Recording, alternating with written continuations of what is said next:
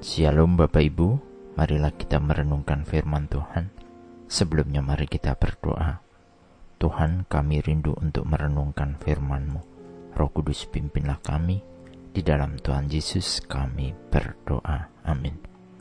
Bacaan saat ini diambil dari Yohanes 6 ayat 47.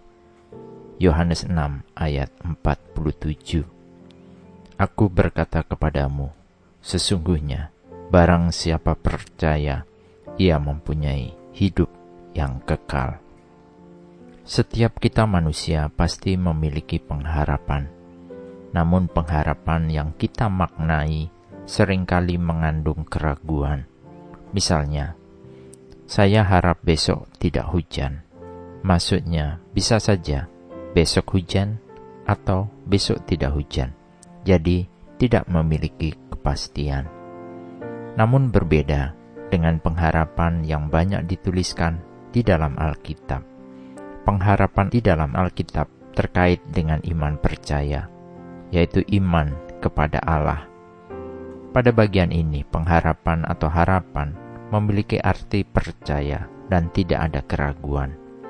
Jadi, harapan yang ditulis di dalam Alkitab terkait dengan iman percaya kepada Kristus adalah kepastian yang penuh keyakinan.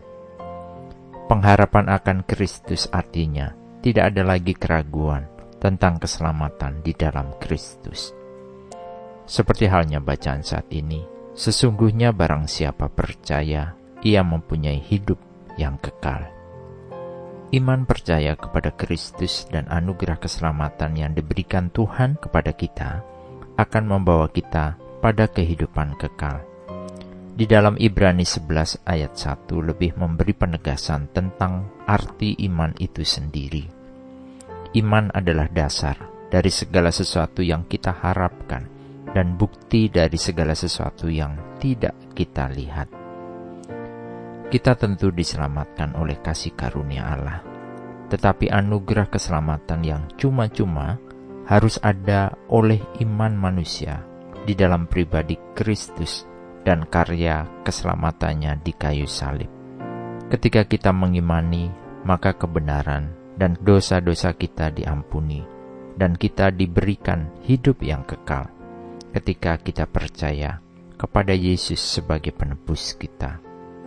Kita hendaknya senantiasa mengingat ayat yang mengatakan ini. Yohanes 3 ayat 16. Karena begitu besar kasih Allah akan dunia ini, sehingga ia telah mengaruniakan anaknya yang tunggal, supaya setiap orang yang percaya kepadanya tidak binasa, melainkan beroleh hidup yang kekal. Semuanya berasal dari inisiatif Allah yang begitu mencintai dunia dan ciptaannya.